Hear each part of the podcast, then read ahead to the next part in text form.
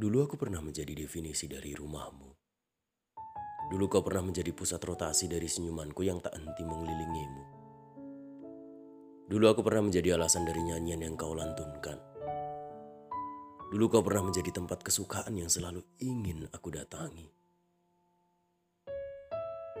Kini kau tak lagi pulang pada aku.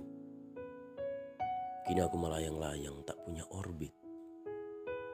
Kini nyanyianmu berisi lirik yang bukan aku. Kini kau masih menjadi tempat kesukaanku, walau tak lagi bisa aku kunjungi. Ketahui, aku tidak pernah menyesal, bahkan senang saja jika terkadang rindu. Aku tidak terluka, bahkan senang saja melihatmu dengannya. Untuk kau, wanita yang kuajak bicara di pojok kursi, untuk tatapan yang seolah-olah akan bertabrakan di depan kelas untuk perbincangan di lorong pintu keluar, untuk pertunjukan teater di malam pertama kita saling berucap lebih. Saat kau pergi dan berteriak bahwa kau lebih bahagia tanpa aku, diam-diam diriku dirundung ketenangan melihat kau pergi. Karena aku telah berhasil membuatmu bahagia. Terima kasih telah pergi.